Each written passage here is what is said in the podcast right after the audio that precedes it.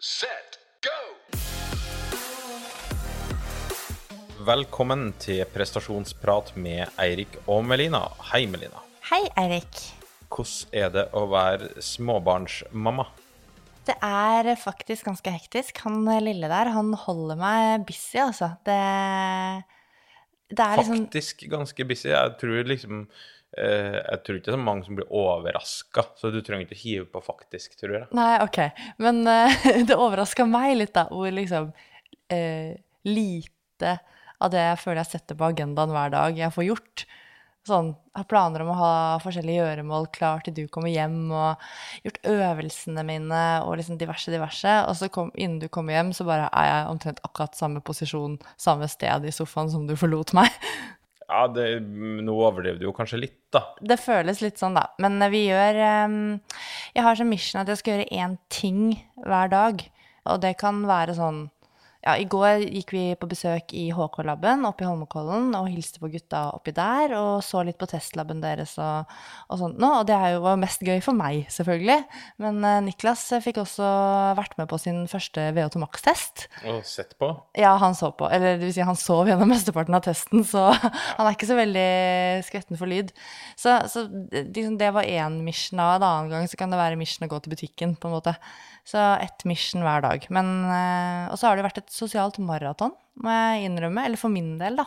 Som er litt sånn Mange som vil se uh, Lille vidunderet. Ja, og det er kjempehyggelig, men i disse, nå er jeg så drittlei at folk sier i disse koronatider, men i denne pandemien så prøver man jo ikke treffe for mange om gangen, og man skal jo heller ikke sende et spedbarn rundt i et stort selskap uansett. Så vi har jo truffet folk litt sånn pø om pø, og da tar det jo tid å hva skal jeg si, komme gjennom nærmeste venner og familie og Ja. ja, men eh, for all del, det er superhyggelig at folk har lyst til å hilse på oss og se han. Men jeg tror jeg må ha noen dager eller et par uker nesten nå uten sosialt program. Altså. Jo da, men det skal jo være mulig. Jeg føler jo for min del Du, du tar jo unna det meste eh, med han. Så jeg, jeg bytter jo bleia. Jeg er blitt sånn høvelig god, tror jeg. Sånn grei. Ja. Eh, folk som har hatt småunger i flere år, vil sikkert bare flire av meg. Jeg knoter fortsatt veldig med å få på klær, og skjønner ikke helt hvordan folk Det er noen som sa, sa til meg at du blir så god på det her at du kan gjøre alt med bare ei hånd til slutt. Det er, fatter ikke jeg. det er veldig gøy at du, at du, drive, at du driver og øver sånn bevisst på å gjøre ting med én hånd. Ja, altså, jeg, jeg, jeg, jeg klarer bare så vidt med to. Ja. Nei, men det er jo tidlige dager, da. Ja da. Så det er mulig å få en bedre formkurve. Altså den formkurven på påkledninga, den tror jeg kommer til å bli være bratt. Ja da, jeg håper det. Uh, og så har nå jeg fått Jeg er jo egentlig ganske pigg for tida. Jeg Ja. får jo trent en god del. Ja, apropos formkurve, så syns jeg jo at den peker altså irriterende mye oppover. Jeg burde jo strengt tatt ha skrevet treningsdagbok, for jeg skjønner ikke hva som har skjedd i det siste. Men jeg er i hvert fall det er feil å si historisk pigg. Eh, Nei, du har vært det- aktiv utøver tidligere, ja. da, så det tror jeg ikke det er. jeg tør påstå at i løpet av de sju siste årene så har jeg aldri vært så sprek som nå. Nei, og hvilepulsen er jo lav, og du løper jo ganske fort i motbakke. Du hadde jo sånn testløp du her om dagen. Jeg sprang testløp. Jeg sprang en fem kilometer som jeg startet på Bogstad gård, rett nedom oss, og så avslutter jeg på opp med voksen skog, da, som det så fint heter, grusveier oppover. Så det er jevn stigning i fem kilometer. Det har jeg sprunget før. Eh, og jeg har aldri sprunget så fort som jeg gjorde nå. Ja, hva var forskjellen fra i fjor? 25 sekunder? Eh, nei, det var mye mer enn det er over et minutt eh, forskjell fra i fjor. herre. Så mm, jeg vet ikke. Det mm, Kanskje Niklas her har utløst eh, Kanskje jeg må begynne å sove litt mindre, sånn som jeg nå gjør. Rusa på livet. Kanskje den episoden vi hadde tidligere om søvn, bare er bullshit. For det virker som at jeg responderer veldig bra på lite søvn, i hvert fall. Ja, som sagt, det er tidlige dager. Ja. Og apropos testing. Ja. Dagens episode eh, skal handle om akkurat det temaet, testing. Så da går vi til episoden. Testing, ja. Hvordan driver du og tester deg, egentlig? Har du mye testløp? Eh, det har jo blitt en del eh, opp igjennom, eh, i hvert fall etter at jeg begynte i Lynski. Og jeg begynte min lille langrennskarriere, da. Da har det jo vært eh, lyntesten, som var en eh, løpetest som tok vel mellom eh, syv og tolv minutter, avhengig av nivået. Ganske sånn kort, veldig sånn VO2 Max-relevant løpetest.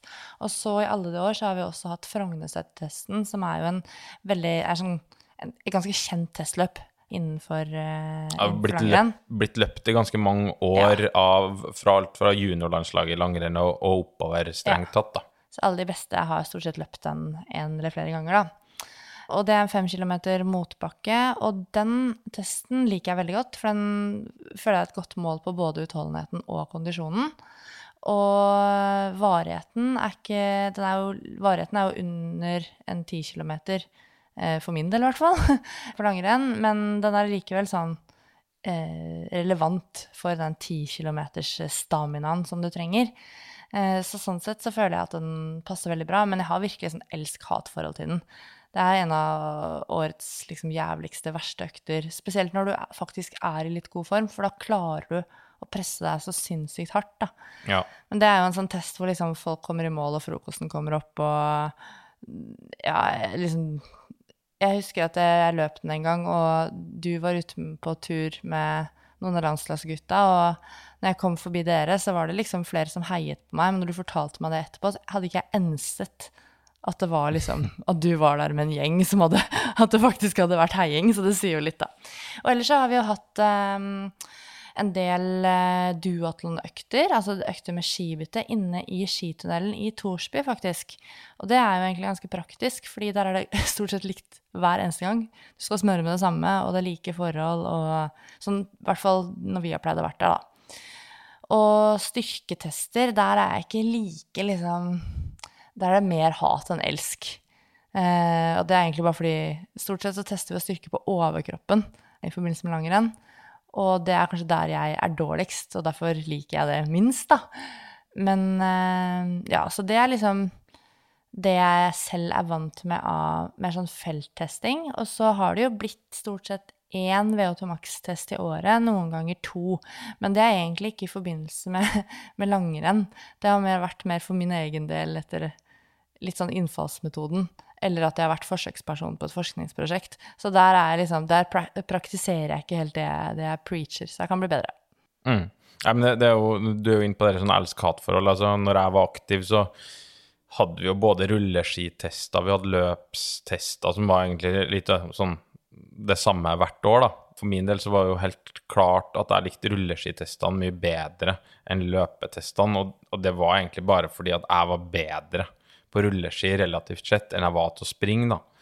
Og så følte jeg jo egentlig at som aktiv langrennsløper så var jo hver e- eneste hardøkt du kjørte gjennom et år på sett og vis en slags test.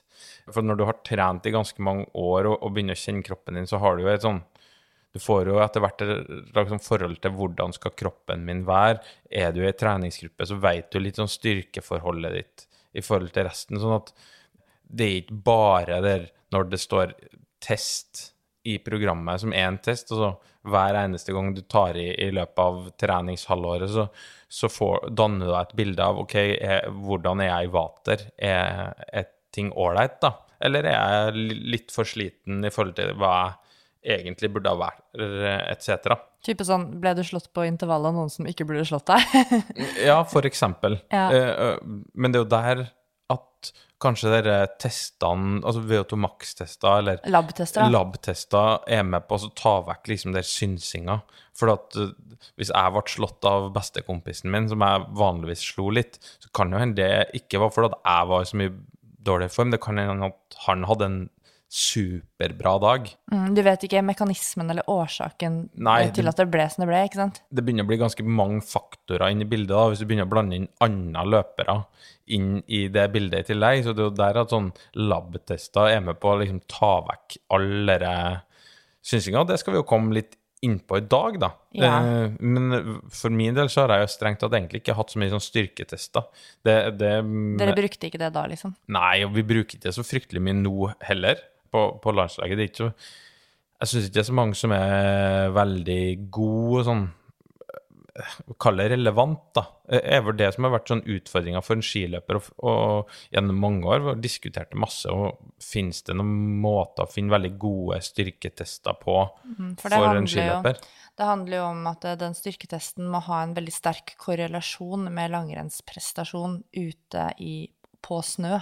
Eh, Ja, det er jo det som er ønskelig, da. Mm, så det kan jo være en utfordring. Det tror jeg nok det er i mange idretter, at man kan stille spørsmål eh, ved hvorvidt en test er relevant. Mm. Eh, vi har jo også hatt et sånt testbatteri i skigruppa som jeg har vært med på, hvor det har vært sånn Vi har gjennomført en del liksom, basisstyrkeøvelser som tester, altså hvor mange reps kan du gjøre, hvor lenge kan du stå i planken osv., men svært lite av det korrelerer jo egentlig med langrennsprestasjon. Men igjen så får du kanskje et generelt bilde av fysiske egenskaper, da, som er litt mer sånn eh, isolerte. Men igjen, så Og som vi skal komme tilbake til, som er jo hot topic for denne podkasten, er jo hva er egentlig en god test for det du skal ha den til? Ja, definitivt. Og så er det jo helt klart en del Veldig mange positive ting med å ha testa i en lab, som vi skal komme inn på. Så Ja. er det òg noen fordeler, mener jeg, med å Eller du har noen add-ons, da, ja. ved å ha testa utendørs. Samtidig som da må du ta hensyn til en del andre ting. Ja, og det, eh, vi kan jo si det først og sist, at vi skiller jo ofte mellom laboratorietesting, eh, veldig sånn kontrollert, kanskje litt sånn klinisk setting, og felttesting. Og felttesting, det blir jo da f.eks. utendørs, eller på håndballbanen, på fotballbanen, i skitunnelen, eh, i skiløypa. Så, så det, det skiller seg jo fra labtesting. Og det har jo, begge deler har absolutt verdi, eh, sånn som jeg ser det. Men det har på en måte verdi på ulike måter.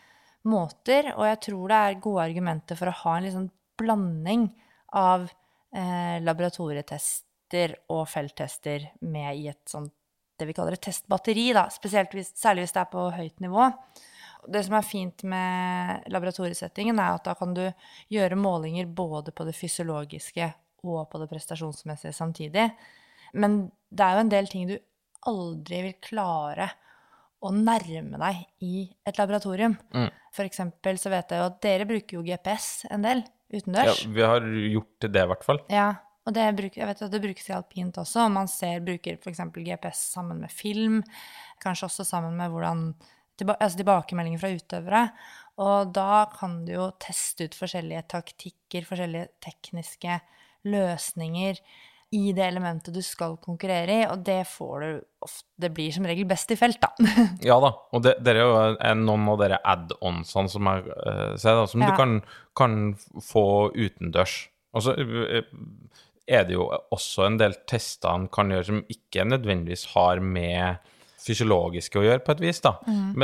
Eksempel DEXA-målinger, altså in-body-scan, altså det med å Kroppssammensetning. kroppssammensetning, Mhm. som er en viktig parameter, en viktig test, mm. eh, men som ikke nødvendigvis har noe der og da med om du har pusta godt i det siste, og, og hvordan din fysiske kropp er, men som som kanskje er mer på helsa.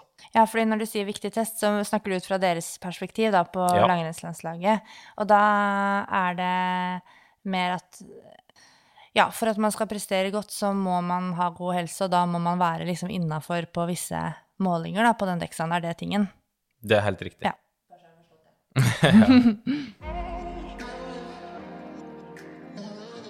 Så, men hva er det da som egentlig kan testes? Det er eh, helt utrolig mye som du kan måle, faktisk, på kroppen og i kroppen. Eh, Så veldig mye kan testes, og så er det veldig mye som er, kan måles og testes, men som ikke er relevant for prestasjon. Men jeg tenker at det er kanskje greit at vi skiller mellom, eh, i hvert fall for denne episoden, da, mellom de fysiske og fysiologiske tingene vi kan måle. Så fysiske egenskaper som kan testes, er jo kondisjon og utholdenhet, styrke, hurtighet. Eh, liksom de, si, de store kategoriene da, av fysiske egenskaper. Men det kan også være liksom underkategorier som f.eks. reaksjonstid eller toppfart eller presisjon. Altså en ting, ting der da som kanskje er det som testes mest på, er jo bare på tid. Ja, altså, som ikke nødvendigvis er en fysisk egenskap, men springer du fortere, eller springer du like fort som sist, eller springer du saktere? Ja. Altså uten å måle Og egenskaper. det er et, et prestasjonsmål, da. Eh, så vi kan jo også skille mellom rene fysiologiske mål og da prestasjonsmål. Men som regel når du tester, gjør en fysisk test, så er det et eller annet sånn Det er jo Løfter du mindre, eller løfter du mer? Er du raskere, eller er du treigere? Det er jo noe prestasjon inni der, da. Eh, og så er det fysiologiske parametere. Parameter det betyr egentlig en slags hjelpemål. Det skal hjelpe oss å forstå eh, en større sammenheng. Og da kan det være sånn som blodtrykk, som jo veldig mange er kjent med ved målinger hos fastlegen. Men blodtrykk kan det være. Kan være oksygenopptak, kan være laktatkonsentrasjon, eh, ventilasjon ja. Blodvolum. Blodvolum, blodgass diverse ting som, som har med da, eh, fysiologien vår å gjøre. Og så er vi jo over på da 10 000 kroners spørsmålet, som er på hvorfor tester vi? Og eh, vi mener jo at det er i all hovedsak to grunner til at du faktisk driver og tester, og det ene går, er jo på bakgrunn av helse. Og det andre er på bakgrunn av da prestasjon. Kan du, Melina, ta oss litt igjennom det helseaspektet. Hvorfor tester vi på bakgrunn av helse? Så jeg får 10 000 kroner når jeg har svart på det her også? mm, du har, du har stjålet 10 000 kroner av meg før, så da kan du stjele det igjen. ja, det kan skje igjen. Nei, Med tanke på helsen, så er det jo det som jeg syns er litt interessant med en del av de testene som vi bruker innenfor toppidrett, så er det faktisk mange av de samme testene man bruker i kliniske settinger innenfor medisin når man skal gjøre testing som har da med helsen å gjøre.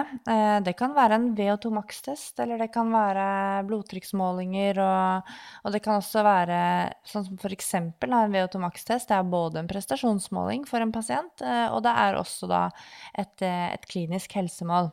Bare for å ta et enkelt eksempel. Det samme med styrke. 1RM, f.eks.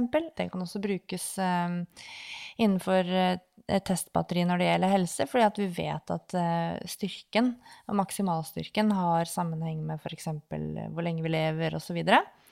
Ofte da så bruker man jo tester for å avdekke sykdom eller risiko for sykdom, eventuelt risiko for dødelighet. Eh, eller det kan være for å finne ut hvor god helse har du egentlig.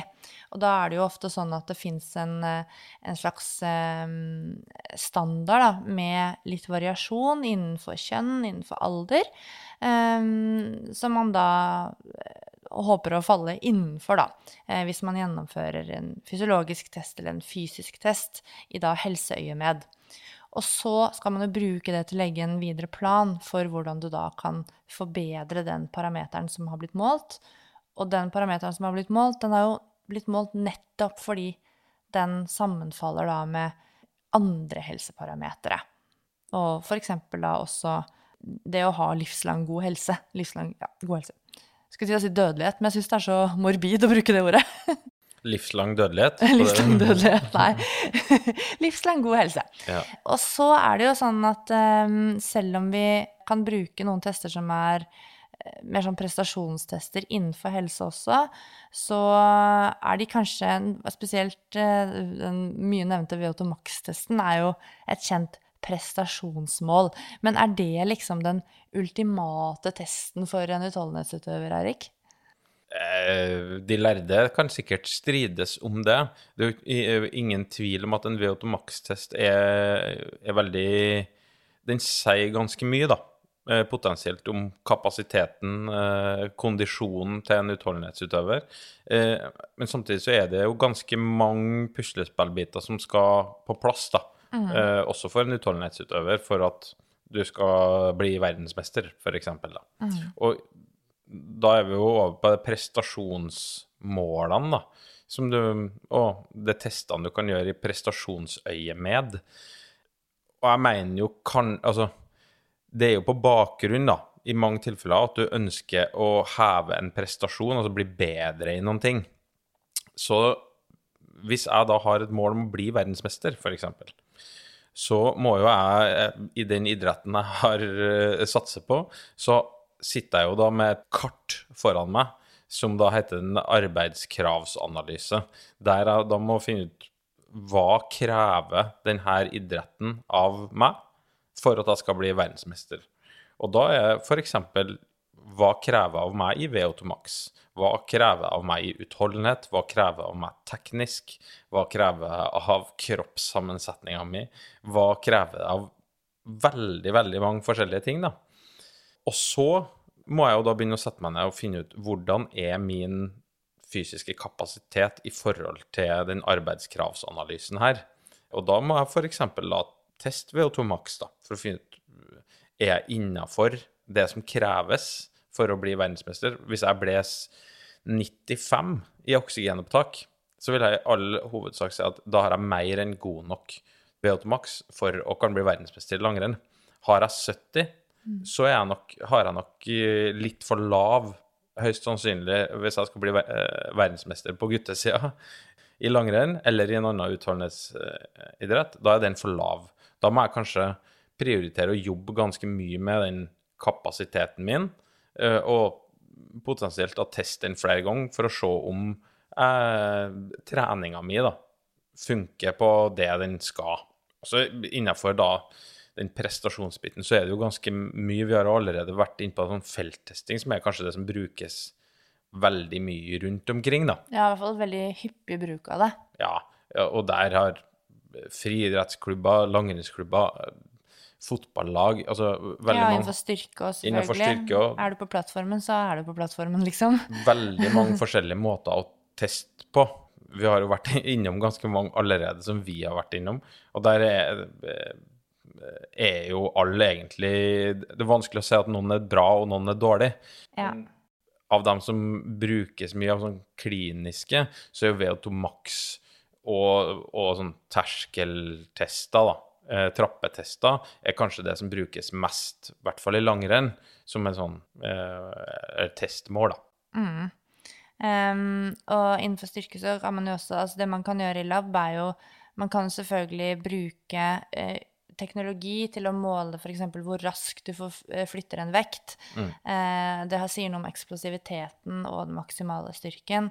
Eh, man kan bruke såkalt isokinetisk dynamometer, fancy ord, til å måle styrken mer isolert i ulike muskelgrupper og ved ulike typer kontraksjoner. Altså ulike typer måter, sammen, måter å trekke sammen muskulaturen på. Så det brukes jo eh, også veldig mye teknologi for å gjennomføre testing. Og så er det som du sier at eh, det er jo noen tester som bare De er så utrolig enkle. Løp fra A til B, eh, eller flytt denne vekten. Eh, enten så kan du flytte den, eller så kan du ikke flytte den. Eller så og, Ja, og skal du løpe fra A til B, så bruker vi tid. Så det fins veldig sånn avanserte og kostbare måter å gjennomføre god testing på. Det fins også veldig veldig billige og enkle måter å gjennomføre god testing på. Ja, og der eh, har jo jeg en mening på det. Altså, du var inne på i starten, eh, i de spede begynnelser som langrennsløper, så sprang du en, en sånn slak motbakketest som vara mellom sju og ti minutter. Jeg vil påstå ganske hardnakka der at springer du et halvminutt fortere på den om tre måneder, så er mest sannsynlig kapasiteten din blitt bedre. Du kan gå på en mølle og springe en O2-test og finne ut på et vis det samme, men den er, tror jeg er ganske sånn korrelerer en, kanskje ikke én til én, da, men eh, den korrelerer ganske bra på en VO2 Max-test. da.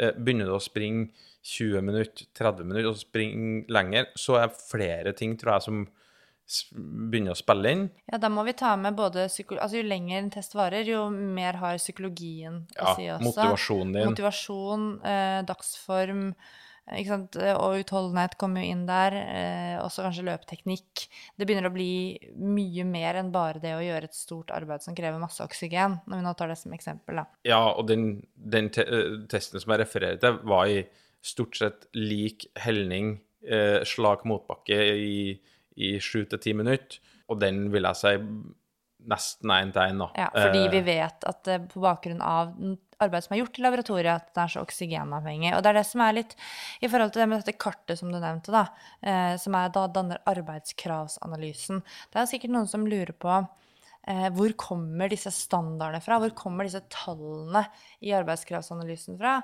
Og jeg får jo ganske mye spørsmål, eh, f.eks. gjennom min Instagram-konto, og også gjennom studenter og utøvere som jeg kommer i snakk med og møter, ehm, hvordan burde jeg trene hvis jeg har det og det som mål? Eksempel, hvordan burde jeg trene hvis jeg har lyst til å løpe eh, tre minutter raskere på mila?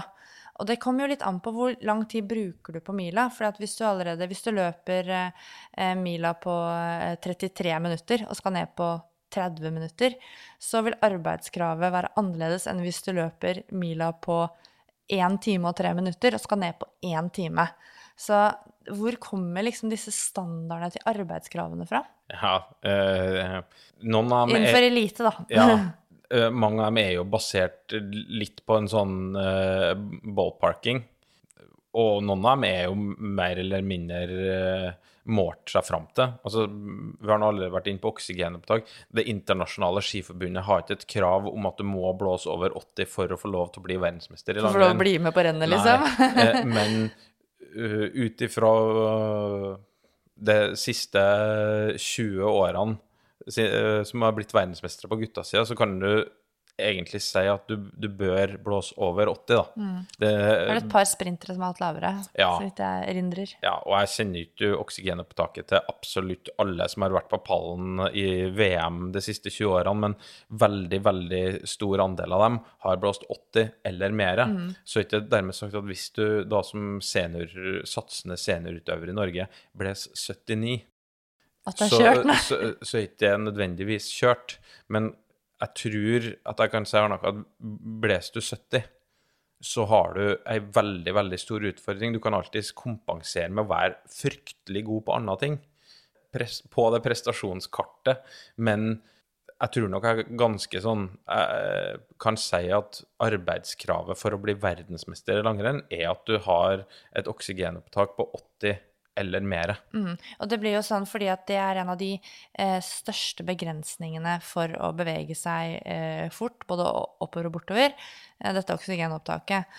Og da, selv om du kanskje er fryktelig rask eller god på andre ting, kanskje en, en, en kunstner på ski omtrent når det gjelder teknikk og balanse, men det skal godt gjøres å klare å, å dekke det hullet da, i arbeidskravet eh, med da andre egenskaper.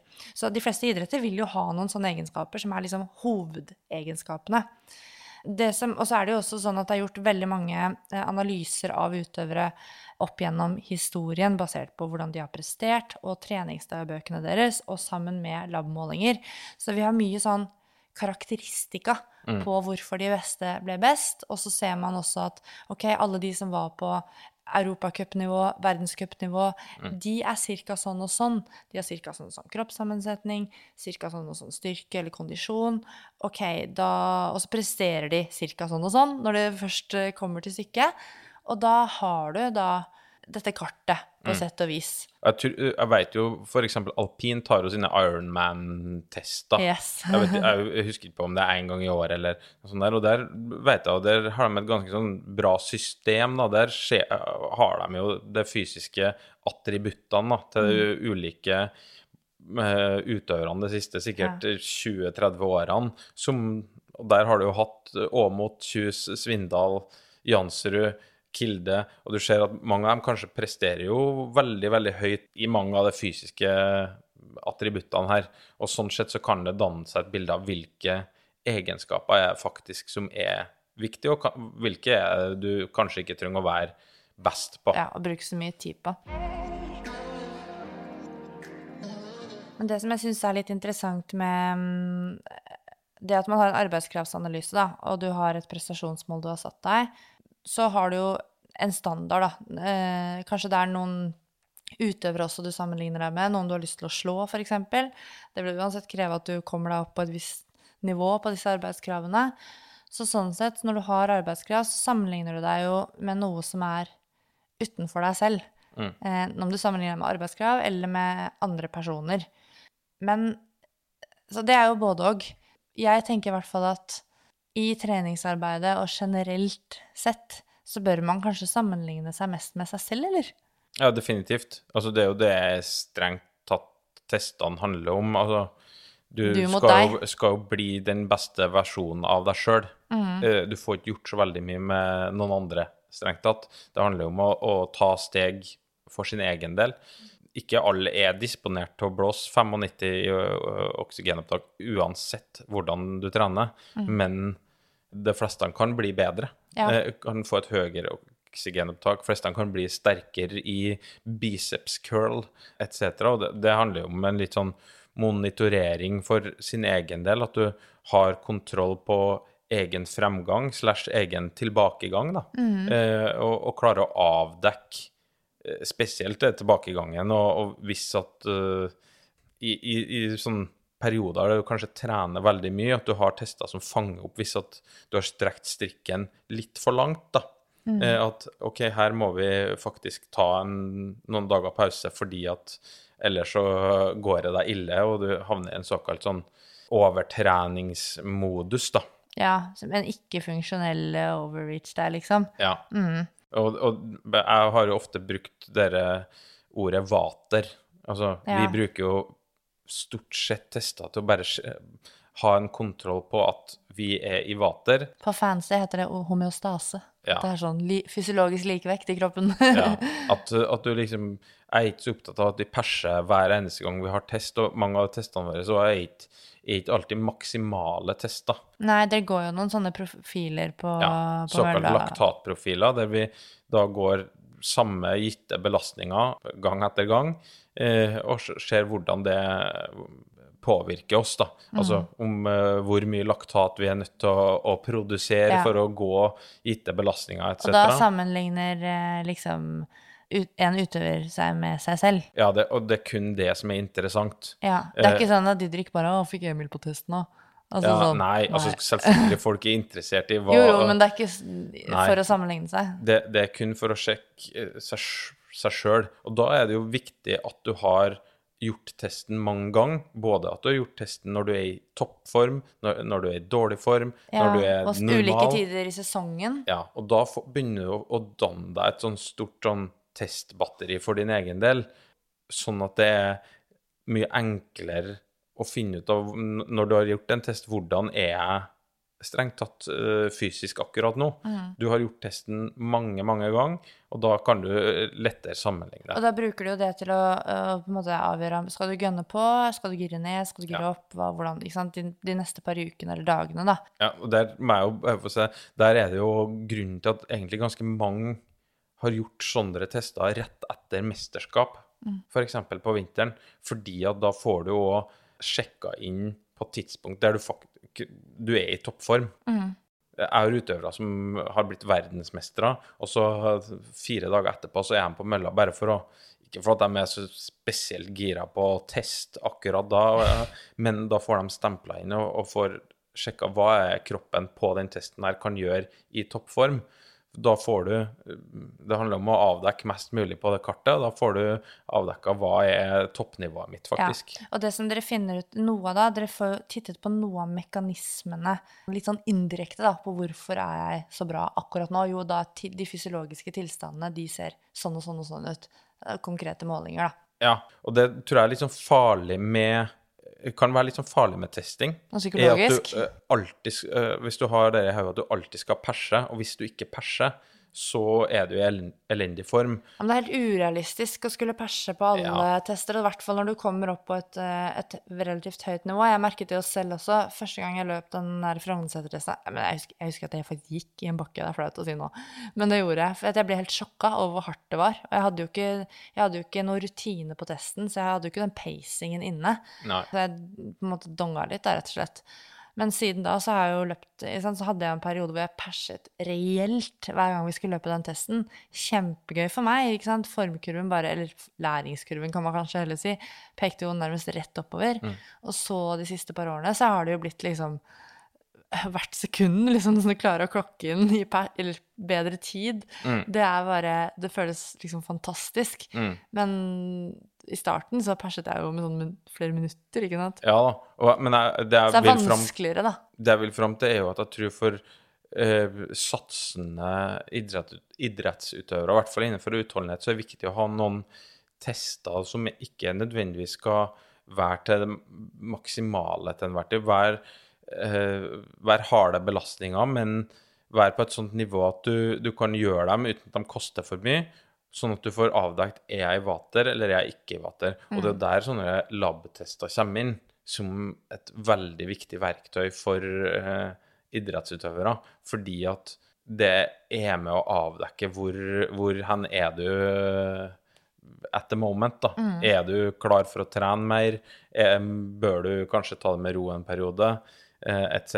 Og da, da bør du gjennomføre den ganske ofte. Ja, jeg tenker i forhold til sånn, det med å sammenligne seg med andre, da.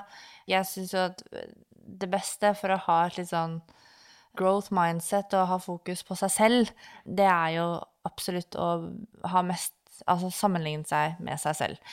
Men hvis du skal sammenligne deg med noen andre personer, så mener i hvert fall jeg at da bør du sammenligne deg med de som er aller best. Fordi de er som regel ganske stabile i sine prestasjoner.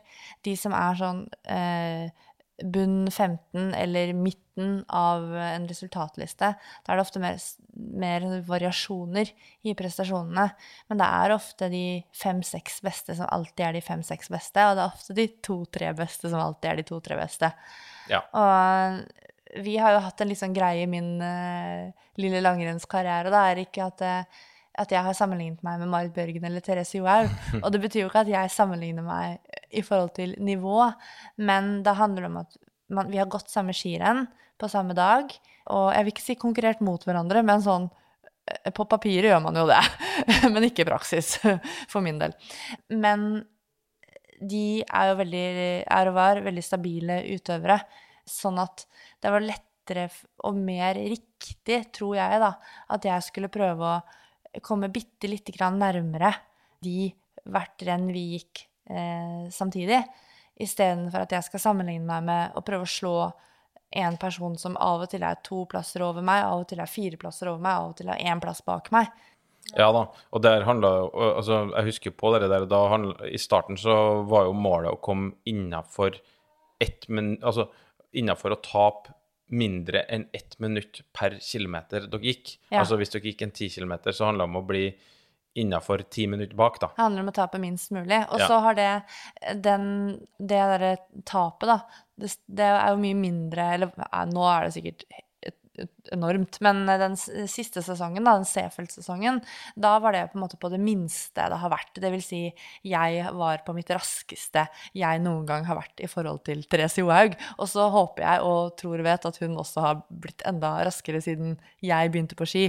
Så jeg tenker at eh, for meg er det det er en skikkelig win da, å klare å være kortere tid bak enn jeg var når jeg startet. Vi har jo begge to jobba i lab, Melina, men det er jo ikke noe tvil om at du har jobba en god del mer enn meg i lab, og testa en god del flere, i hvert fall typeutøvere mm. enn en, enn, eh, det jeg har gjort. Jeg har Mm. Et stort bredt sett spekter. Ja, jeg har stort sett testa langrennsløpere, mens du har testa alt fra Ola og Kari eh, og opp til eh, veldig, veldig gode både skiløpere, løpere, eh, tennisspillere etc. Så hva vil du si karakteriserer en god test? Ja. Det kan egentlig være så mangt. Da tenker jeg at det er lurt å skille litt mellom kanskje labtesting og felttesting. Men uavhengig av det, da, så bør en test være reliabel og valid. Eh, som for mange kanskje er to fremmedord, men at en test er reliabel, betyr at den er pålitelig. At selve metoden er pålitelig, og at den kan reproduseres. Så hvis eh, vi hadde testet deg i dag, Erik, og så hadde vi kommet i morgen igjen, så er det ikke sannsynlig at eh, du hadde fått noe bedre form til i morgen hvis vi hadde gjort en submax-test og gjort den to dager på rad, som vi jo kunne funnet på å gjøre. Da bør resultatene være ganske like hvis testen er reliabel. Um, og så dette med at testen skal være valid, er jo det at vi måler det vi har tenkt til å måle. Da er det jo viktig å bruke riktig målemetode eh, der også. Og så bør jo testen være spesifikk, for vi ønsker jo å få svar på spørsmål i forhold til enten om utøveren er i såkalt vater, da, eh, eller hvor er eh, prestasjonsnivået til personen. For dette vil jo vi bruke videre i planlegging. Eller treneren som skal få resultatene sammen med utøveren, bruke det videre. Så da bør jo testen være spesifikk nok til å ha noe å gjøre med idretten i det hele tatt. Og så er det jo viktig å være klar over at når du velger en test, så spesielt når du skal bruke eh, en del sånn apparatur som man bruker i laboratorium, også kanskje bruke en apparater i felt, og bruke teknologi i felt. Det kan være alt fra laktatmålinger til eh, fotoceller til eh, hva det nå skal være, til og med stoppeklokke. Så er det kanskje viktig å vite noe om måleusikkerheten til det utstyret du skal bruke. Pulsklokker er et annet eksempel.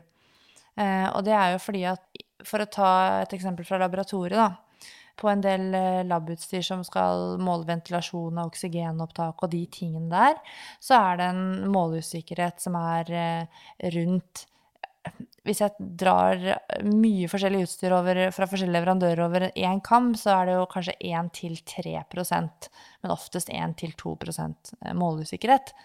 Og det vil jo si at hvis du kommer til meg i laben er etter å ha trent eh, et par uker, og så skal vi måle igjen, og så forbedrer du deg med 1% så er det nesten så man må beklage og si at vi er ikke helt sikre på at det er en reell forbedring, fordi det er innenfor måleusikkerheten.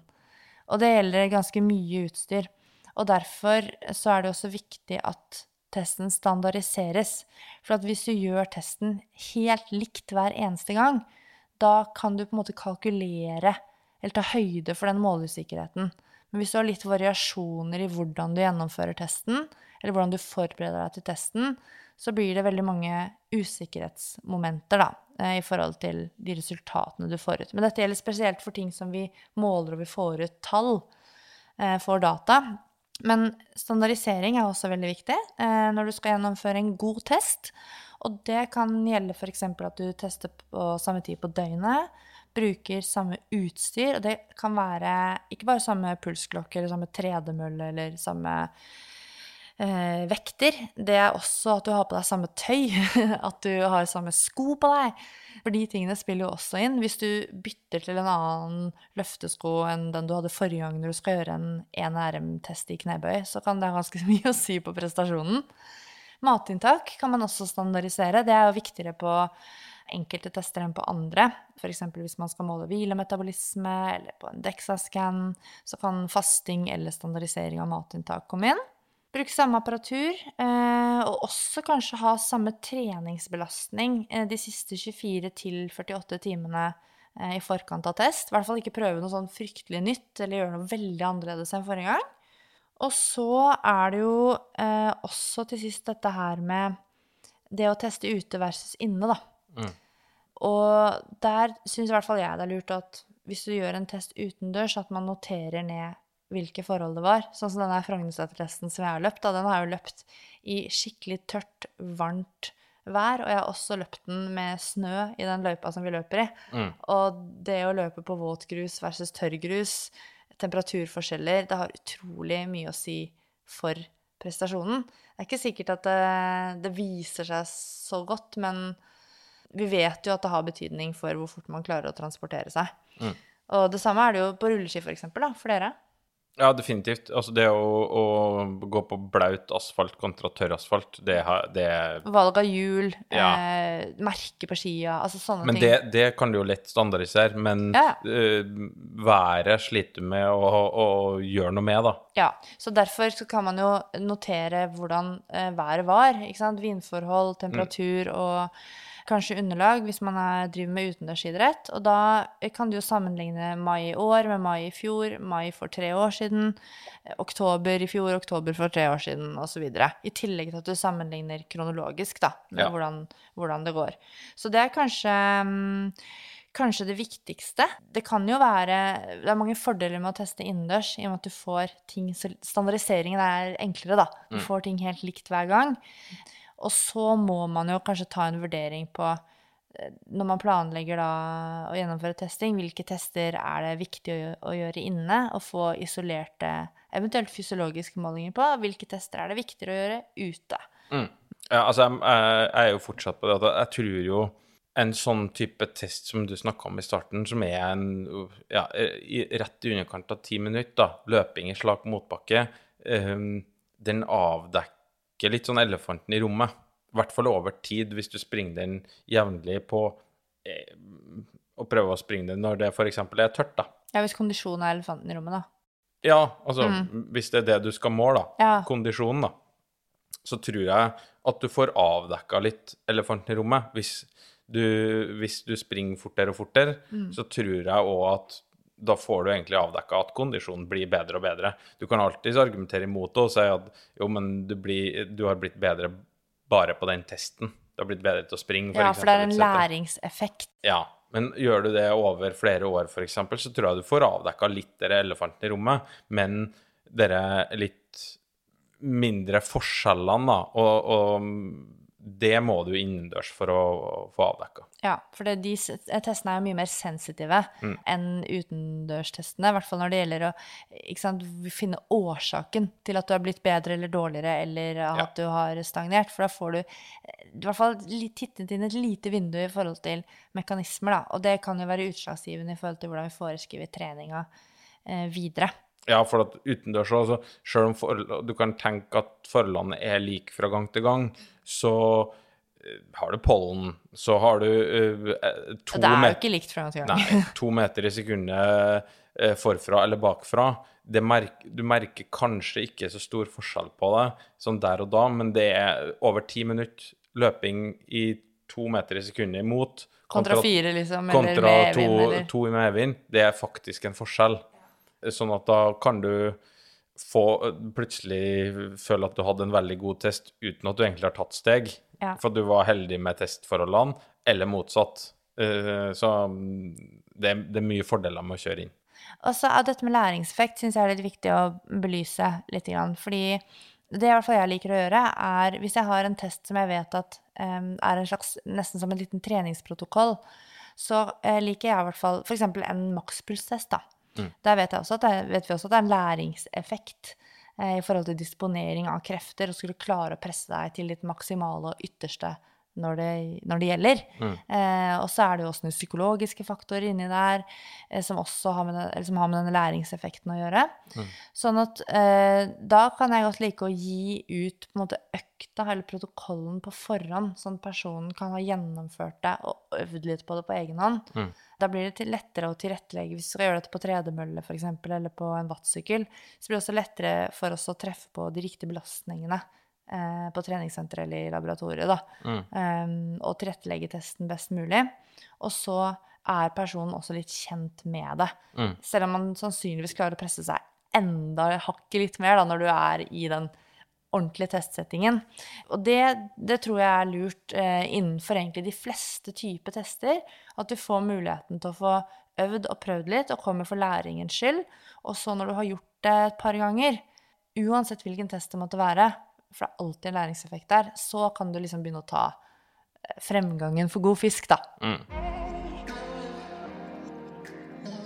Og så har vi jo da det punktet som heter testplanlegging.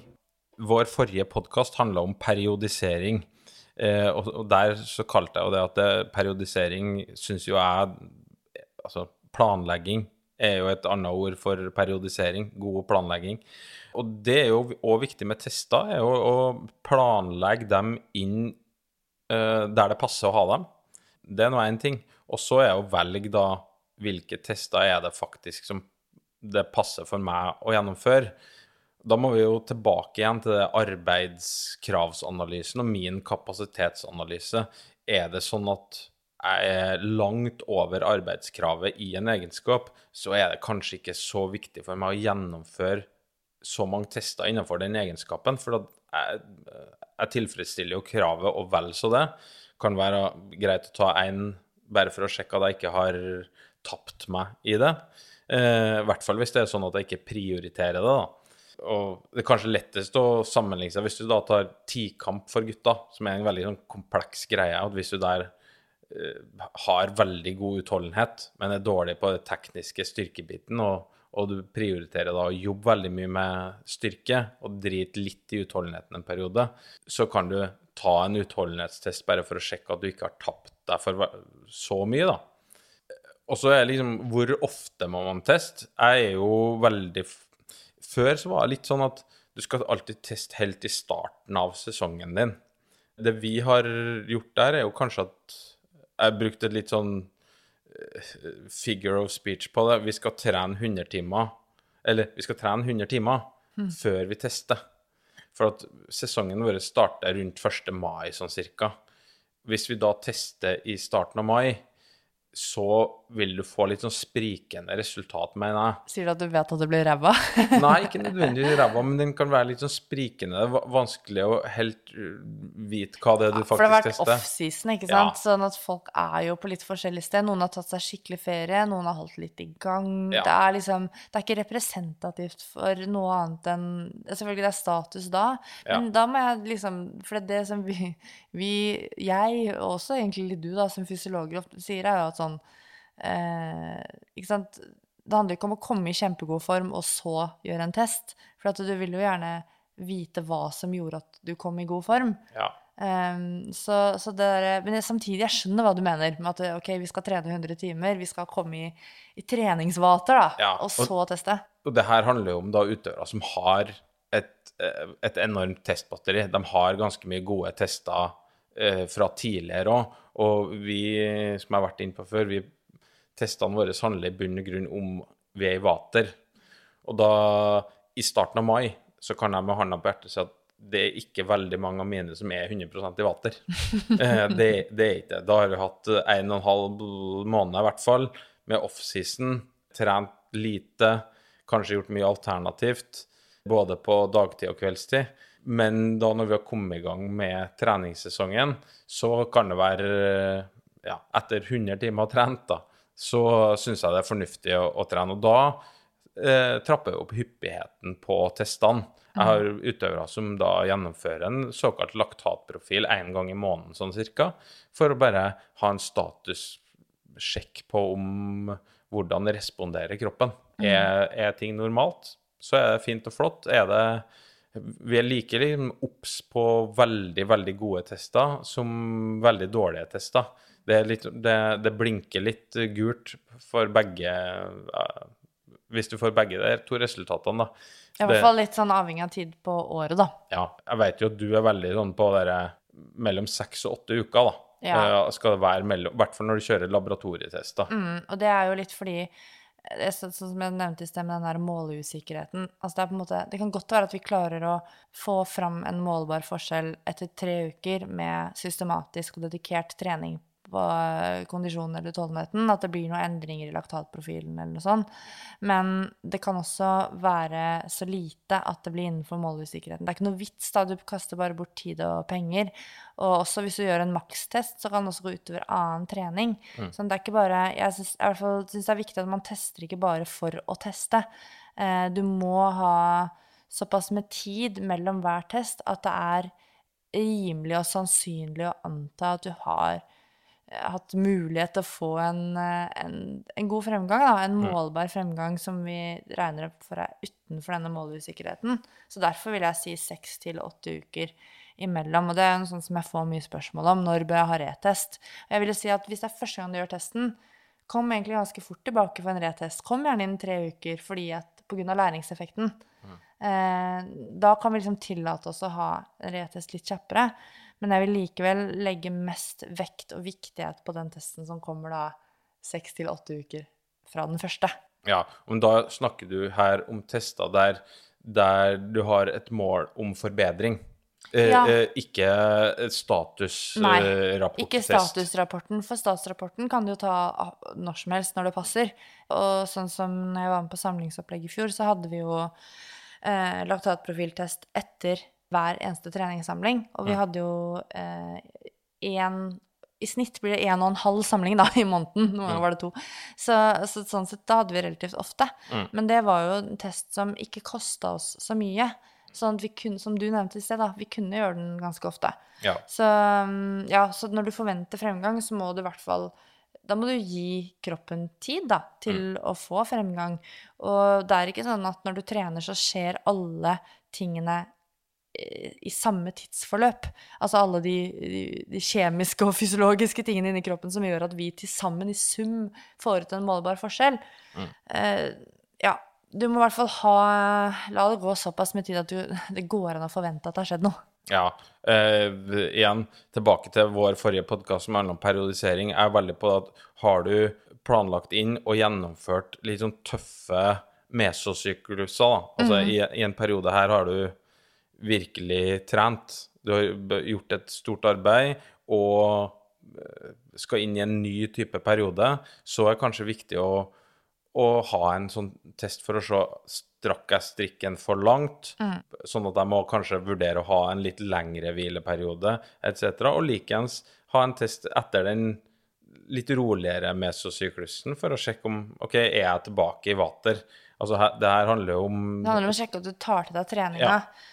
Og restitusjon. Ja, og det er utrolig viktig. Og der tror jeg ganske mange kan gjøre en, en bedre jobb. Fordi det er fort gjort når du har, kommer fra når du er inne i en sånn treningsperiode som I hvert fall vet jeg folk som driver med utholdenhetsidrett, elsker jo å være i sånn tøffe treningsperioder. Du går liksom inn i din egen boble. Eh, Ja. Du blir nesten litt sånn rusa på det også, og veldig sånn Du har nesten ikke lyst til at den skal slutte. Og det kan være veldig fristende å gå på en ny sånn eh, kanskje raskere enn man burde, da. Så, så jeg også veldig følger deg veldig på det du sier der. Ja, og så tror jeg at har du gått på en karamell, da, at du er- har enten i form av sykdom, eller at du har strekt strikken litt langt, så tror jeg det er viktig å, å trappe opp hyppigheten av tester. Altså, har du vært syk, altså si Ja, da kan vi også snakke om de som har, over, har, eh, har, eller har hatt overtenningssyndrom. Der, eh, der tester man jo Eller overtrening, feiltrening. Mm. Så søren hvilke uttrykk som er korrekt å bruke om dagen, for det er mye debatt rundt det. Men, eh, men i hvert fall, da, da bruker man testing oftere. Ja, for, for å be- eh, ha ofte statusrapporter, da, og det går jo på sånn vatertesting, Mm. For da ikke er du makstesting. sensitiv. Du er så sensitiv for belastning, da. Og så syns jeg jo også det er et kjempepoeng at man ikke tester for tett på konkurranser. Fordi OK, du kommer til meg for å måle noe, da. Og så Altså, hva hvis, bank i bordet, dagsformen tilfeldigvis er litt under paret den dagen, da. Kanskje det har skjedd et eller annet den dagen som gjør at du ble litt nedfor. Altså, det kan være hva som helst, men hvis ikke den testen viser seg å være superb, eller kanskje utøver hadde forventet noe sinnssyk fremgang på akkurat den testen, fordi at man har trent så bra, og snart skal man inn i mesterskap eller komme en viktig konkurranse, så det store målet kommer opp, og så ble det ikke så bra som forventningen tilsa. Og så har du ikke tid til å justere det inn. Det skaper jo da usikkerhet hos da utøveren. Uten at du liksom Du er sjakkmatt, da. Du får ikke gjort noe med det. Nei, da satte setter det seg i hodet. Ja, så da må man heller bruke felttester, da. Ikke kanskje Jeg er ikke noe fan av labtester sånn rett før eh, konkurranser. Nå skal vi gå til et par lytterspørsmål. Og nå er jo egentlig alt det vi har snakket om til nå, er jo basert på masse spørsmål vi har eh, fått inn. Så tusen hjertelig takk igjen. Og så tar vi et par sånne helt konkrete spørsmål på slutten her. Eirik, jeg sender en til deg. I hvilken grad kan du benytte det du finner av verdier i lab, til trening utendørs? Oi. Eh, ja. Det er jo ikke et så veldig enkelt svar på det. Verdiene du finner i en lab, da, for, for din egen del Eller innendørs, bare. Ja, eller Hvis du skal innendørs er- konkurrere ute. handler jo igjen, som vi har vært inne på flere ganger, det handler jo først og fremst om å teste seg i forhold til seg sjøl. Uavhengig om det er en, en maksimaltest eller, eller submaksimal test, så handler det om at du monitorerer enten egen framgang eller tilbakegang, eh, og dermed så I hvilken grad kan du benytte dem utendørs? Mange av testene her går jo ut på å finne eh, ja, f.eks. dine pulssoner, da. For dem som er, veldig, som er litt sånn opptatt av det og trener veldig rigid etter det, så finner du jo det på labtester. Så kan du jo alltid argumentere for at hvis du tester på løp innendørs, hvor relevant er de for sykkel eller for rulleski eller sånn utendørs? Og de er kanskje litt forskjellige, men du finner en, en slags sånn cirka-verdi, da. F.eks. på rundt da, den såkalte eh, anarobe terskelen din, da. Hvis den er nå tar jeg et, bare et eh, tenkt eksempel på 170 hjertefrekvens i løping, så tror jeg òg at den er sånn cirka rundt 170 i annen type bevegelsesformer utendørs. Sånn cirka.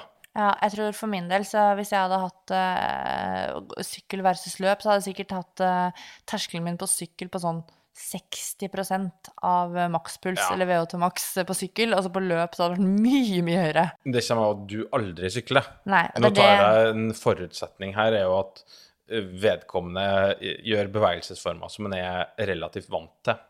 Mm. Men det er jo klart at hvis eh, du skulle ha satt deg i en robåt, eksempel, så hadde du nok ikke vært i nærheten av samme terskelverdi eh, eller puls der som det er på løp. Nei, det vet jeg, for jeg vet at jeg har eh, hinsides lav makspuls på roergometer. For jeg er så dårlig på det.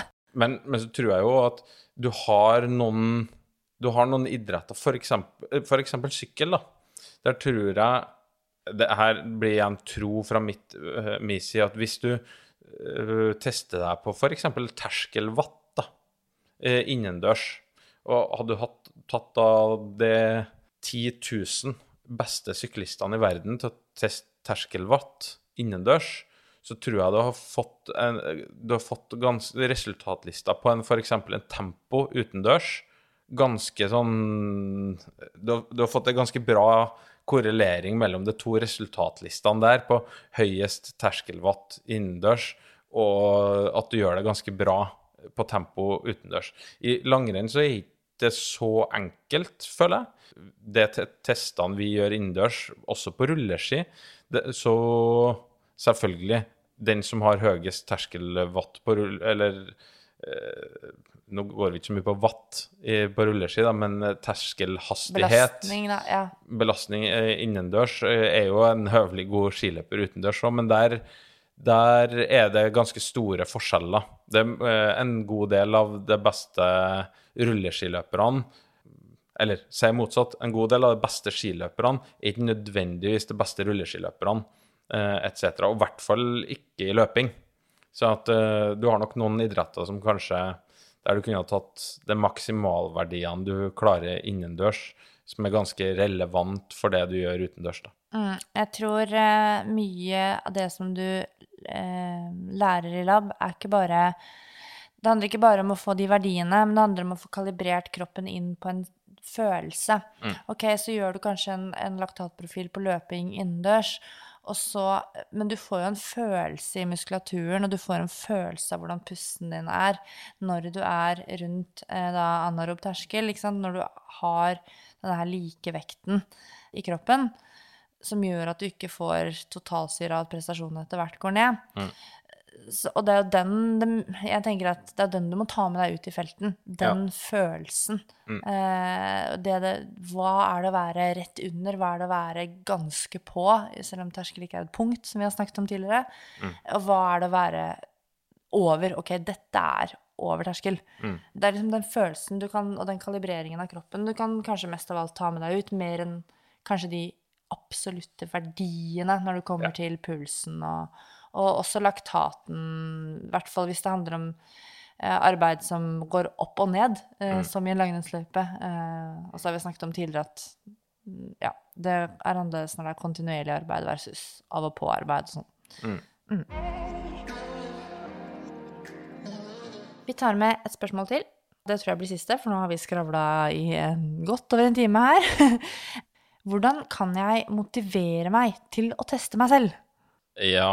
Eh, nå er jo ikke jeg noen motivator. Nei, Jeg antar da at uh, innsender sliter litt med motivasjonen. Jeg har skjønt at det er lurt å teste, men sliter litt med motivasjonen. Ja, og det, uh, vi har jo sagt det hele tida her nå, du må finne relevante tester og, og den biten der. Men en ting som jeg alltid har vært litt sånn opptatt av som trener òg, er at du eh, En ting er jo hva boka sier på relevant, og hvis jeg sier at det, du må kjøre 1000 ganger ett minutt for å bli best her, så er det ikke så lett å motivere seg for, for alt. Du må finne ting som motiverer deg, og som du syns er moro. Hvis du syns det er jækla moro å, å springe en test som er 30 minutter, da, så drit nå i at jeg har sagt at den testen på rundt 10 minutter som du snakka om tidligere i episoden her, er veldig bra og veldig relevant. Hvis du syns det er litt kort og litt kjipt å holde på med, men den på 30 er fin, da kjører du den. Og den er en kanongod test hvis du da Og det er mye bedre at du bruker den hvis du da er da motivert til å gjøre den oftere.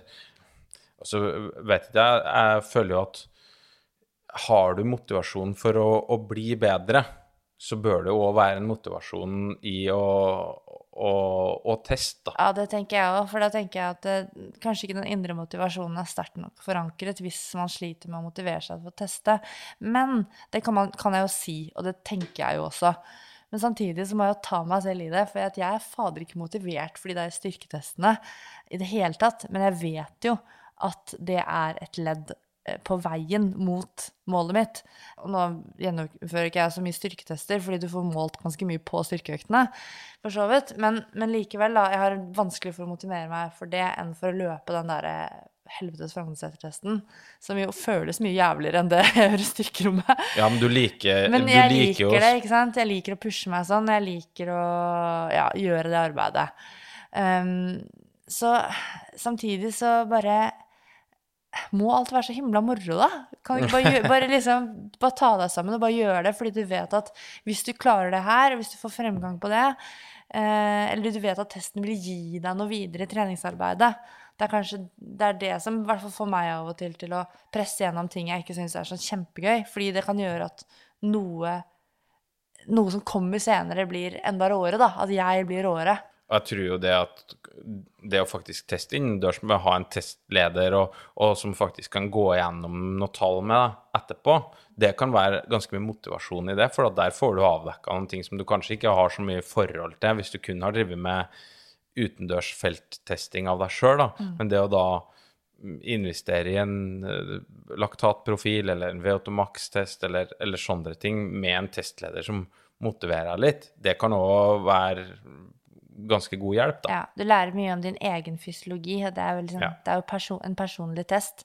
Jeg syns jo, når du er inne på det, da, eh, så har du noen som er spesialtrent til å pushe deg akkurat så mye som du må, og det er jo også funksjonen av å ha en trener. At du har noen som kan pushe deg. Og det å, så vet vi også at hvis du blir observert, så presterer du bedre og tar i mer enn hvis du er helt alene. Mm. Og hvis du har andre rundt deg som gir deg matching og pushing, så kan du også ta ut ditt ytterste og prestere mye bedre enn du ellers ville klart. Og det er en veldig viktig, den psykologiske effekten der, den er ekstremt viktig når du skal gjøre maksimale ting, i hvert fall. Definitivt. Så jeg tenker jo at um, hvis du ikke er så motivert for å teste uh, gjennomføre en test, så tror jeg nok kanskje at det kan gi litt sånn Sette litt spiss på det og få deg til å gønne på litt mer. At du gjør det sammen med noen, da. Eller at du får med noen til å teste deg. Det kan være noe så enkelt som en makspulstest òg. Det kan være vanskelig å gjennomføre alene, for man må pushe seg til maks. Så ta med en kompis, venninne eller bukk en PT-time, liksom, for å, mm. for å få noen til å pushe deg, da. All right, da er vi ved veis ende. Og at det går an å snakke så lenge om testing generelt og eh, testing 101 som vi har gjort nå, det hadde jeg nesten ikke trodd, men det klarte vi. Så kommer det mer spesifikke ting i videre episoder. Det gleder vi oss til. Og da takker vi for følget for denne gang. Følg oss gjerne i de sosiale medier, både på våre private kontoer og på at prestasjonsprat. Og så gleder vi oss til neste lytt. Ha det bra.